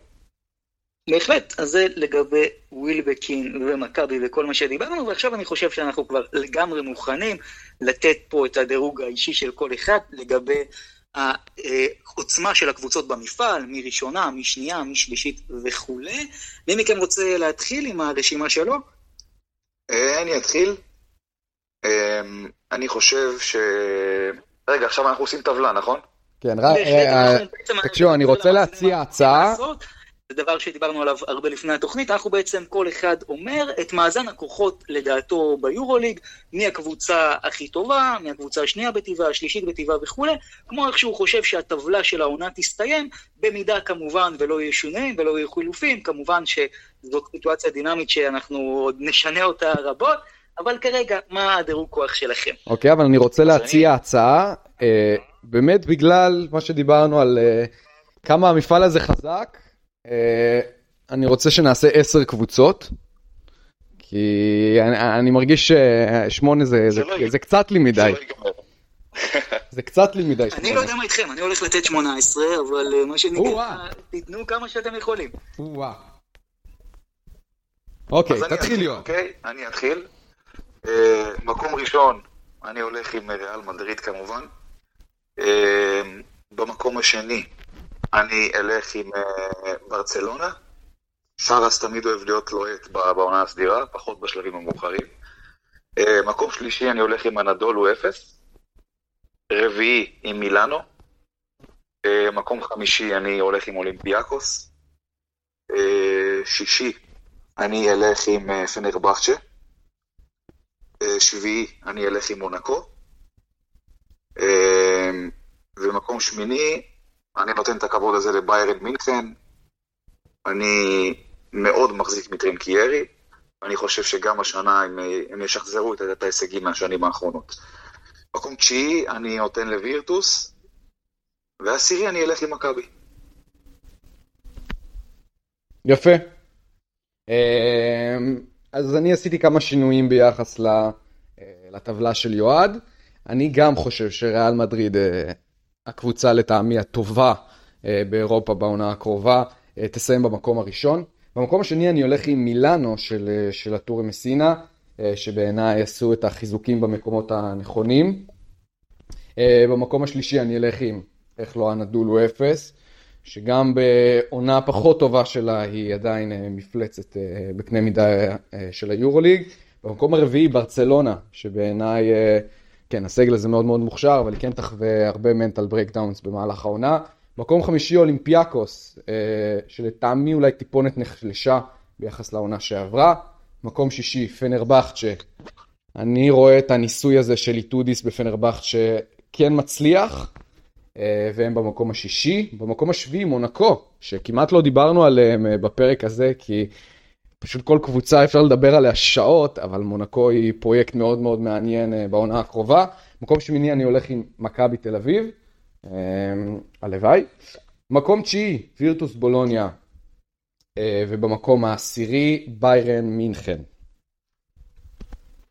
בהחלט, אז זה דירוג אה, מאוד מעניין. אני חייב לומר שהדירוג שלי לא כזה שונה משלכם, אבל עדיין, לדעתי, הנדול הוא אפס, אני שם אותה במקום הראשון. מבחינתי, כמו שאמרתי על התאמן, קודם בתוכנית וגם מבחינת הסגל, שחקן כמו לארקין מבחינתי שווה מקום ראשון. אני גם נותן משקל מאוד כבד לעמדת הרכז, ומבחינתי לארקין הוא הרכז היום הכי טוב ביורוליג, אז אני הולך איתם. מקום שני, אני הולך אה, דווקא עם מילאנו, אני גם חושב שמילאנו עשתה כמה התאמות מאוד חשובות השנה, ואני איתם שם. במקום השלישי אני שם את ריאל מדריד, יש להם מפלצת ואת הקו הקדמי הטוב באירופה, אין פה שאלה בכלל. מקום הרביעי אני הולך עם ברצלונה, מקום חמישי אני שם את אולימפיאקוס, אני חושב שאולימפיאקוס קצת tricky, כי בסופו של דבר אה, קשה לי לומר האם היא התחזקה או נחלשה משנה שעברה, אבל עדיין מדובר שם במפלצת, בטח כל עוד סלוקאס אה, מנהל שם את החגיגה. מקום שישי, ופה אני אפתיע אתכם, אני הולך עם אה, בולוניה, אני חושב שלמרות שמילוש זה לא מה שהיה, ובסופו של דבר מיקי וטוקו עדיין, כנראה היו להם כבר עונות טובות יותר בעבר, אם אתם מסתכלים על הקבוצה הזאת, קודם כל חצי מהם הם יוצאי צסקה, אבל לצורך העניין, אם היינו הולכים עכשיו 3, 4, 5, 6 שנים אחורה, זאת כנראה הייתה הקבוצה הכי טובה ביורוליג, אני נותן להם את הקרדיט ושם אותם 6. במקום השביעי אני הולך, אה, כן, כמו אופק עם מונקו, אני באמת חושב שמונקו השנה, בטח עם מייק ג'יימס, ושוב, עם כל החיזוקים שיש להם שם בקו הקדמי, דברים מאוד יפים ואני איתם שם. במקום השמיני אני הולך עם פנרבכצ'ה, אה, שדירגתם אותה יותר גבוה, אבל עדיין אני חושב שפנרבכצ'ה בסופו של דבר, למרות שיש לה את אחד המאמנים הטובים באירופה שזה איטודיס, קצת חסר לי שם משהו, אני שם אותם רק שמונה, ותשע אני שם את מכבי נטו בגלל הסיטואציה של המאמן. יכול להיות שמכבי כן גם הייתה צריכה להיות אה, יותר גבוה, אבל אני לא חושב שמכבי תסיים מעל המקום התשיעי. במקום העשירי אני שם את אה, פרטיזן אה, בלגרד, שלדעתי גם קבוצה שבקלות יכולה להשתחל לשמינייה, אבל יש כל כך הרבה קבוצות טובות, אז אני שם אותה עשר. אה, את וילרבן אני שם במקום ה-11, על זכות ננדו דה קולו. פנטינאיקוס אני שם 12, את ביירן מינכן, שאתם דווקא נותנים לה הרבה מאוד קרדיט, אני שם 13. לדעתי ביירן קבוצה מעולה, אבל פשוט בגלל שהמפעל כל כך התחזק השנה, אין מה לעשות, היא תידחק לתחתית הרשימה. לדעתי ולנסיה במקום ה-14, אה, הכוכב האדום במקום ה-15, ברלין במקום ה-16, בסקוניה במקום ה-17, ואין מה לעשות, כמו שאופק אמר קודם, כסף, ז'לגירית קובנה, הקבוצה הענייה ביותר במפעל היא גם במקום ה-18 לדעתי. אני חייב לשאול אתכם משהו, וזה לגבי אה, מילאנו בסופו של דבר, כי כולנו שמנו אותה מאוד גבוה, מה לדעתכם כל כך מיוחד במילאנו השנה? קודם כל, הקו הקדמי, הם באמת אה, עיבו אותו בצורה משמעותית. יש להם, שים לב, אני אקריא לך עכשיו את ה-4-5 שלהם, זה גם ניקולו מלי, גם דשון תומאס, גם ג'יג'י דטומה, קייל היינס, ברנדון דייוויס, אתה יודע, אפילו קצה הספסל, פול ביליגה, זה פשוט קו קדמי שלא נגמר. כמובן הם הביאו רכז מהשורה הראשונה, קווין פנגוס, כולם מכירים. אה, חיזקו בנז מיטרו-לונג, אה, שמרו על אה, שיוון שילדס, על דבון הול. באמת קבוצה מצוינת, ואני חושב שהשנה באמת המטרה העיקרית שם זה להניף את הגביע בסיום העונה, ללא ספק בכלל. כן, בטח אחרי הכישלון אה, בכל מה שקשור למאני טיים של העונה בשנה שעברה. מילאנו חיזקו לדעתי באמת במקומות הנכונים, הביאו במקום מלקום דילייני את, את קווין פנגוס הנהדר, עיבו באמת את הקו הקדמי, ואני באמת חושב שהיא תהיה מאחת הקבוצות הכי שקשה להתמודד מולן ביורוליג. אגב, יש שם ששכחתי להזכיר אותו, שהקראתי את הקו הקדמי, יוהנס וויטמן, ככה ברח לי, אתה יודע, בשלוף. איך בורח לך 2.17? אני לא מבין. שאלה טובה. לא, אין ספק שמילאנו זאת מפלצת חבל על הזמן, ואני שוב, כמו שאמרתי לכם, אני שם דגש מאוד אה, חזק על עמדת הרכז הפותח, וכשפנגוס מנהל את זה, גם מבחינתי, הם אפילו ראויים למקום השני.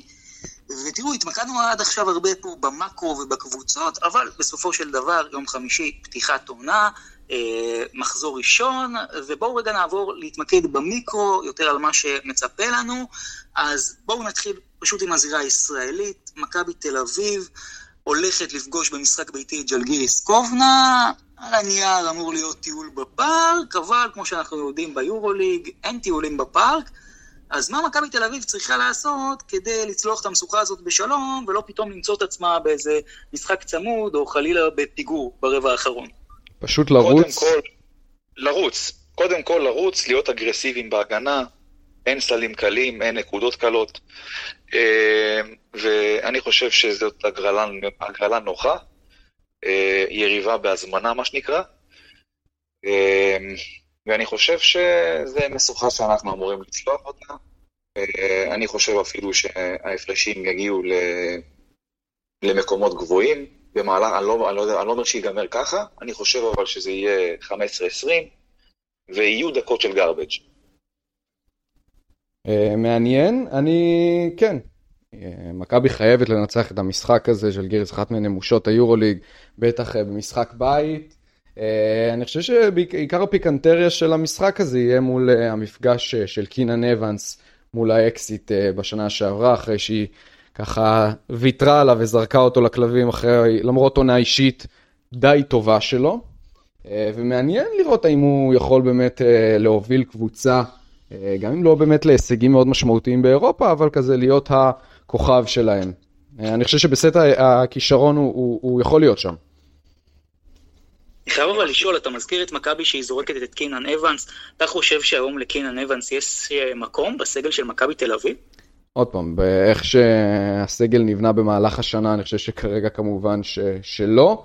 כן בתחילת הקיץ, אני חושב שהדעה הרווחת הייתה שכן להשאיר את קינן אבנס, כי באמת ראו בו פרויקט מעניין, שחקן שהוא מאוד מאוד שלם במשחק שלו, כלומר יש בו, יש לו הכל, הוא גם אתלטי וגם uh, יכול לקלוע, ושומר מצוין, ואתלטי, אז באמת uh, יש בו המון המון פוטנציאל, והוא גם צעיר, אבל באמת כשיש לך קו אחורי עמוס כמו לורנזו בראון ווייד בולדווין, קשה לראות איך את קינן אבנס נכנס.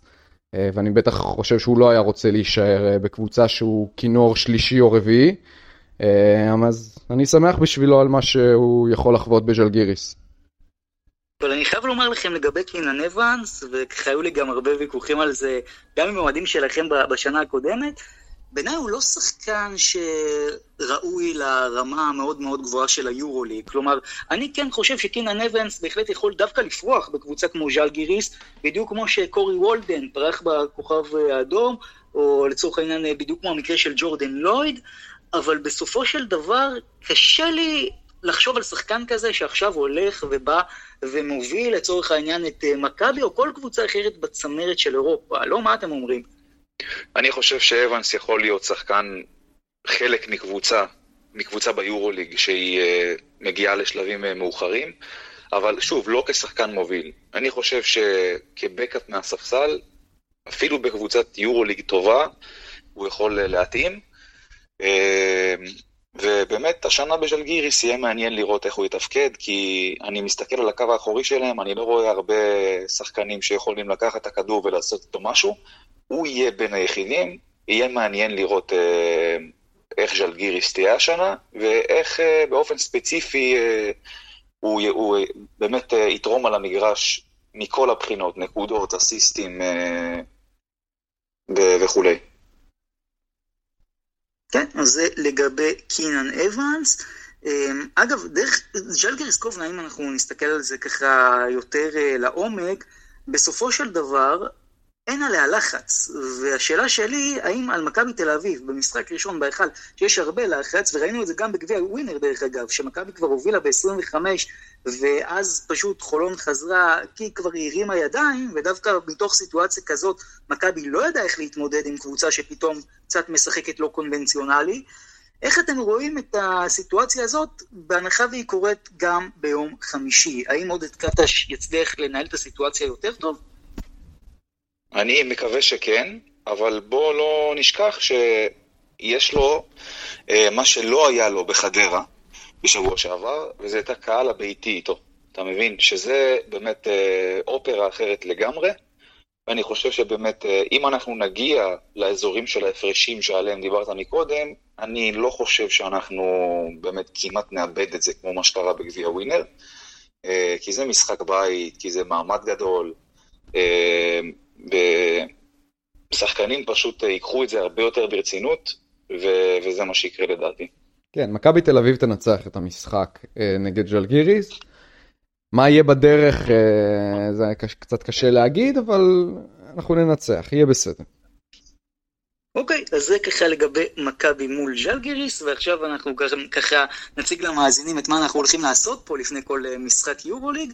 אז אנחנו הולכים, אה, מה שנקרא, לעשות אה, הימורוליג, בדף שלי בטיימות אני קורא לזה הורוסקופ יורוליג, ואנחנו הולכים לנחש ממש משחק-משחק איך הוא הולך אה, להסתיים, מי מנצחת ופחות או יותר בכמה הפרש, אז זה מה שאנחנו הולכים לעשות, וכמובן לאורך כל העונה הולכת גם להיות אה, טבלה שלנו, לראות אה, מי מוביל, מי צדק יותר, מי פחות, הולכת גם להיות תחרות פנימית בינינו, ואני גם מזמין את כל המאזינים להשתתף ולתת את הניחושים שלהם בסופו של דבר במשחקים האלה, אז בואו רגע נעבור.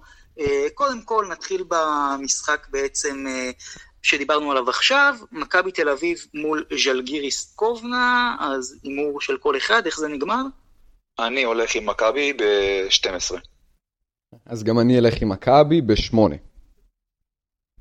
ואני אפילו קצת יותר מפרגן למכבי, אני חושב שמכבי תנצח באזור של 15-20, וגם אני הולך עם מכבי.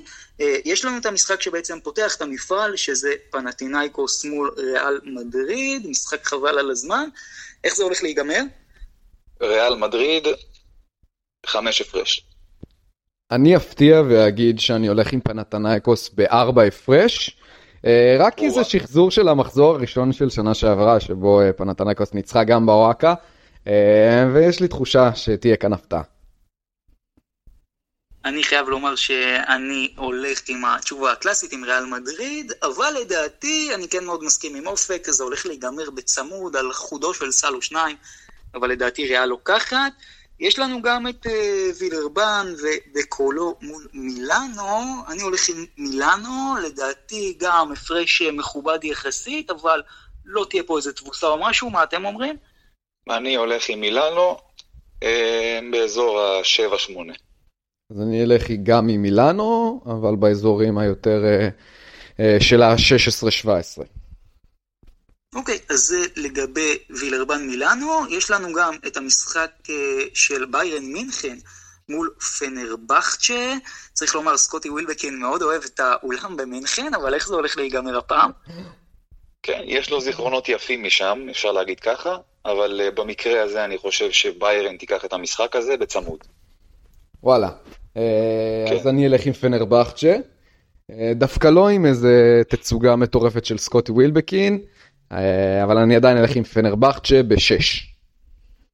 אני הולך עם פנרבכצ'ה, שלשת ניצחון של סקוטי ווילבקין, תרשמו. ולנסיה וסקוניה, יש לנו בעצם את המשחק האחרון של יום חמישי. אני חושב שזה לא כוחות ושוולנסיה הולכת, אה, מה שנקרא בשפת העם, לקרוע להם את הצורה, מה אתם אומרים? אני אומר שלספרדיות חוקים משלהם, אבל אני איתך, ולנסיה תיקח, אבל uh, לא בהפרש גבוה, אני חושב שזה הולך לכיוון החמש-שש, שבראש שלבי המשחק יהיה צמוד. כן, אז גם אני אלך עם ולנסיה, אה, בסקוניה נראית נורא נורא אה, חלשה השנה, גם עוד איכשהו הנכסים שהיו להם בשנה שעברה, פונטקיו ו- ווילבקין כבר לא שם, ולנסיה בעשר, ויש לנו את המשחק הראשון ביום שישי של הנדולו מול הכוכב האדום. איך זה נגמר? תחזור, הכוכב האדום נגד? הכוכב האדום בלגרד. אני עם הנדולו, אה, חמש הפרש. וואלה, אז אני אה, כן. יותר נותן להם אה, כבוד, אני רוצה להאמין שהם יפתחו בסערה, וזה ייגמר 24 לאנדולו. וואו וואו. אז אני לא הולך על האמצע, אבל אני כן חושב שאנדולו לוקחת את זה בדו-ספרתי, אפילו לכיוון ה-20 הפרש. זה לגבי המשחק הזה, ויש לנו כמובן את אלבה ברלין מול פרטיזן בלגרד בדרבי הישראלי. מי הולכת לנצח שם לדעתכם? אני הולך עם אלבה ברלין. תופתע לשמוע. וואי, איזה משחק כיף זה הולך להיות. אה, פרטיזן בלגרד ב-13. רגע, זה דרבי ישראלי אפשר להגיד, נכון? כן, כן, זה בדיוק מה שדרור אמר. אה, יהיה מאוד כן. מאוד כיף לצפייה. אז ללא ספק, קודם כל מפגש פיקנטי בין אה, ים הדר לתמיר ויובל, ואני הולך עם פרטיזן בלגרד, אבל לדעתי ממש בצמוד, בקטן, בדוחק, נטו בגלל האיכות והכישרון של פרטיזן, ויש לנו כמובן גם את ברצלונה ואולימפיאקוס באותו יום, איך זה הולך להיגמר, זה כבר ממש קרב צמרת. אה, אני עם אולימפיאקוס צמוד. אני גם אלך עם אולימפיאקוס. אולימפיאקוס מנצחת בברצלונה. אני כן, גם אלך עם אולימפיאקוס, אה, ואני חושב שזה ייגמר ב-12 לאולימפיאקוס. מאוד מפתיעים אותי בהימור שלכם, אני בכל זאת הולך עם ברצלונה, הקבוצה הביתית, גם לדעתי הקבוצה הטובה יותר, אבל אה, משחק מעניין, אין ספק, ומבחן גדול לשרס בפתיחה. ויש לנו בסוף ככה לקינוח אולי את המשחק הכי צמוד והכי מעניין שיכול להיות במחזור הזה, שזה כבר על ההתחלה אולי אפילו סוג של קרב על השמינייה הראשונה, שווירטוס בולוניה מארחת את מונקו, איך זה הולך להיגמר? מונקו בעשר. וואו, אז באמת שתי קבוצות שקצת קשה לדעת מה נקבל מהן, שתיהן עשו, אה, אה, כלומר גם אם אה, בולוניה לא עשתה שינויים גדולים מאוד מאוד הקיץ, אבל זו עדיין קבוצה שעוד לא בחנו אותה ברמת היורוליג. אה, קשה להגיד, אני אלך עם הקבוצה הביתית הפעם, אה, וירטוס בולוניה, בארבע.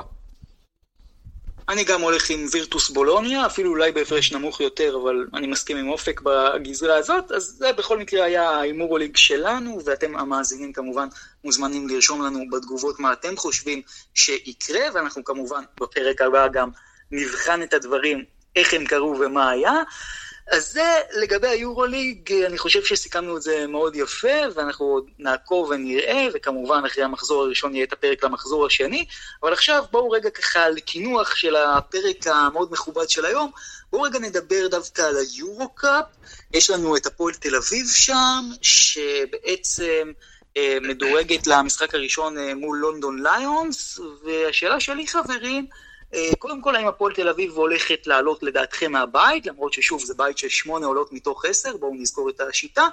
והדבר השני, היא האם הפועל תל אביב בעצם בסופו של דבר פייבוריטית מול החבר'ה מלונדון, מה אתם אומרים בעניין הזה? המשחק בדרייבין, נכון. כן, משחק ביום. אז אה, כן, הפועל תל אביב לחלוטין אה, פייבוריטית, אני חושב.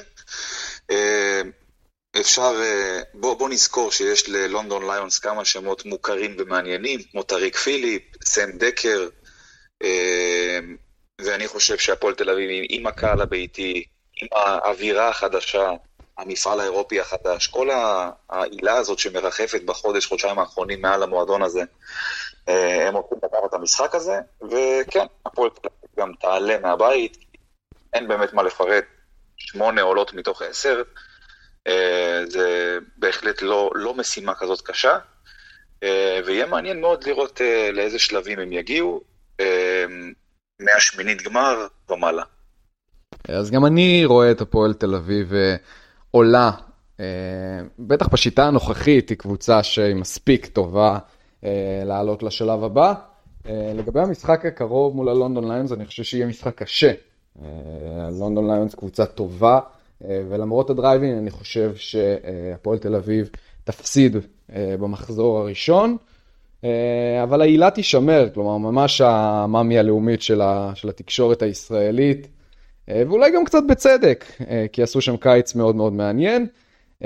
הם יעלו מהשלב הזה, לא מנצחים במחזור הקרוב.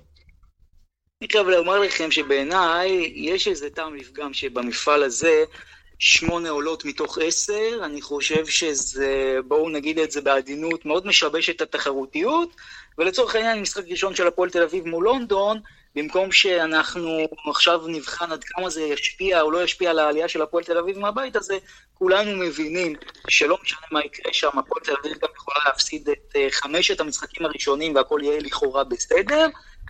אני כן חושב שהפועל תל אביב תנצח בסופו של דבר, אבל צריך לומר, וזה מאוד מעניין לראות איך הפועל תל אביב הולכת להתנהל בעונה אירופית מאוד ארוכה, שבסוף לא כל משחק קובע. זה לא הרי כמו ליגת האלופות, ששם אגב הביקורת שלי היא קצת הפוכה, כי אני חושב ששישה משחקים זה מעט, מצד שני 18 משחקים זה הרבה, צריך אולי איפשהו למצוא את נקודת האמצע, אולי עשרה משחקים, אבל בסופו של דבר, הפועל תל אביב הולכת עכשיו להעביר עונה מאוד ארוכה, שלא כל משחק קובע, תהיה הרבה אינטנסיביות, השאלה אתם חושבים זה הולך להשפיע לחיוב על הקבוצה, או שהיא עלולה להתרסק פשוט בשתי החזיתות? אז אני חושב שלגמרי זה ישפיע לחיוב. אה, כלומר, אנחנו, זה גם עונת מבחן לדני פרנקו, שבשאר הפעמים שהוא קיבל קבוצה אה, עם שאיפות אירופאיות במפעל הזה, הוא כשל, אה, וצריך להגיד את זה, אז באמת מבחן אישי גם אליו.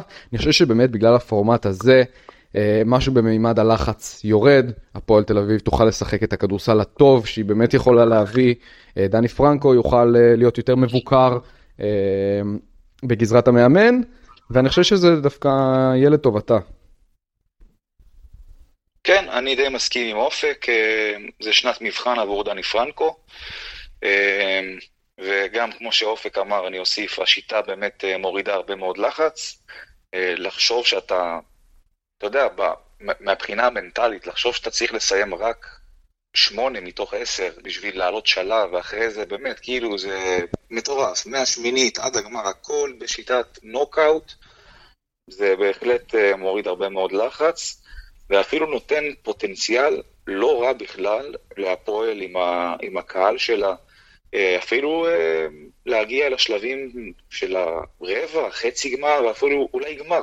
אף אחד לא, לא ייפול מהכיסא אם זה יקרה, כי גם היורו-קאפ במתכונתו הנוכחית הוא לא מפעל כל כך איכותי, אה, בעיקר בגלל הדחת הרוסיות, והוא מאוד נחלש, ואני חושב שאין שם באמת קבוצה שאתה יכול להגיד עליה שהיא מעל המפעל הזה, אתה מבין? נכון, ולכו תדעו, אולי שנה הבאה יהיה לכם דרבי תל אביבי ביורוליג. אוי ואבוי. זה, תקשיב, מי, מי להגיד את זה ועד שזה יקרה, זה רחוק שנות אור. כן, למרות שחייבים לציין שאם דבר כזה יקרה, זה הולך להיות מאוד מצחיק, וגם הולכים להיות הרבה מאוד מפגשים בין מכבי להפועל. אבל עזבו רגע את הפנטזיות של אוהדי הפועל תל אביב, אני כן אשאל אתכם לגבי תומר גינת, אה, שהוא באמת אחד הברגים החשובים בהפועל תל אביב, האם זה הולך להיות אחד השחקנים הטובים ביורו-קאפ השנה? אני לא יודע אם, אם בין הטובים, אבל אני חושב שמבחינה של התרומה שלו, הוא יכול לתרום להם הרבה. ולדעתי לפחות, זו החתמה באמת אה, שמשנה משנה יחסי כוחות, בעיקר בישראל. אני לא יודע באירופה, אבל יהיה מאוד מעניין לראות. כן, אני לא יודע אם, השח... אם הוא יהיה אחד מהשחקנים הבולטים, אה, בטח מבחינה סטטיסטית, אה, אבל תומר גינת הוא שחקן כל כך יעיל, הוא עושה את הדברים הקטנים שלא בהכרח רואים בסטטיסטיקה, הוא מסוג השחקנים שפשוט מביאים ניצחונות. אז הוא לא יהיה הכוכב של הקבוצה הזאת, בטח כשיש להם את ג'יקובן אה, בראון ואת אה, מנפורד, אמ, אבל הוא לגמרי יהיה שחקן ובורג מאוד מאוד חשוב במערך של הפועל תל אביב, גם בגזרה האירופית. אה, אין לי ספק שהוא יהיה אחד מעמודי התווך של הקבוצה. להזכיר גם שהם הוסיפו את ג'ורדן מקריי לסגל, שזאת תוספת כוח משמעותית ביותר. כן, לגמרי. זה באמת שחקן מאוד מאוד טוב, והוא יוסיף להם הרבה מאוד דברים. אני לא יודע מה זה, מה, מה העניין של החוזה שלו, עד מתי, אם זה עד סוף העונה. אה, ג'יימס אה, יאנג, אני גם לא יודע מה רמת הכשירות שלו ומתי הוא אמור לחזור, אבל אה, עם ג'יימס יאנג ביחד, הם סוגרים שבעה זרים. אני לא זוכר דבר כזה מקבוצה ישראלית, אה, שהיא לא מכבי תל אביב,